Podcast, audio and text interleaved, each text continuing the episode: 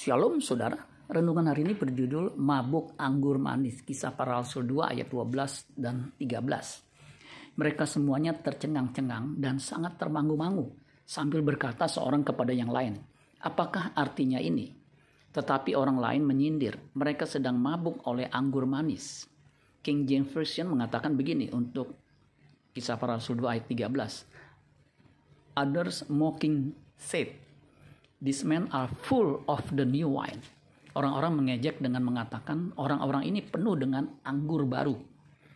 Terjemahan lama mengatakan begini, kisah Rasul 2 ayat 13, tetapi orang lain mengolok-olokkan katanya, orang ini penuh dengan air anggur manis. Siapa yang tercengang-cengang dan sangat termangu-mangu menyaksikan fenomena pencurahan roh kudus? Mereka yang datang dari berbagai bangsa. Sebagian mereka menganggap para rasul dan murid-murid Yesus yang dipenuhi Roh Kudus sedang mabuk oleh anggur manis.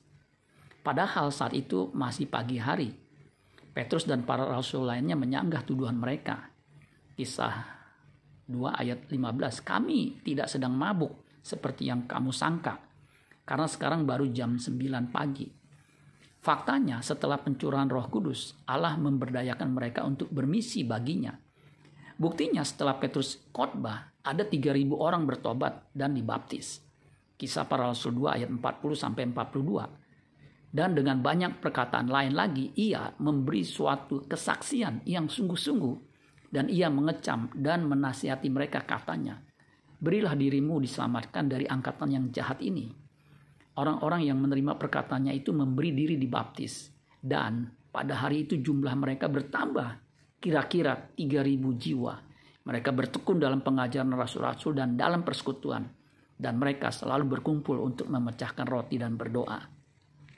Kita dapat menyimpulkan bahwa tujuan utama pencurahan roh kudus adalah agar orang percaya diberdayakan untuk bermisi bagi Allah. Menyampaikan kabar baik dan menjadi saksi. Hal ini sesuai dengan amanat agung Tuhan Yesus sebelum ia naik ke sorga. Kisah para Rasul 1 ayat 8. Tetapi kamu akan menerima kuasa kalau roh kudus turun ke atas kamu. Dan kamu akan menjadi saksiku di Yerusalem dan di seluruh Yudea dan Samaria dan sampai ke ujung bumi. Matius 28 ayat 18 sampai 20 Yesus mendekati mereka dan berkata, Kepadaku telah diberikan segala kuasa di sorga dan di bumi. Karena itu pergilah, jadikanlah semua bangsa muridku dan baptislah mereka dalam nama Bapa dan Anak dan Roh Kudus dan ajarlah mereka melakukan segala sesuatu yang telah kuperintahkan kepadamu dan ketahuilah aku menyertai kamu senantiasa sampai kepada akhir zaman. Marilah kita menjadi saksi Kristus dan menyampaikan kabar baik bagi kemuliaan Allah. Amin buat firman Tuhan. Tuhan Yesus memberkati. Sola Gracia.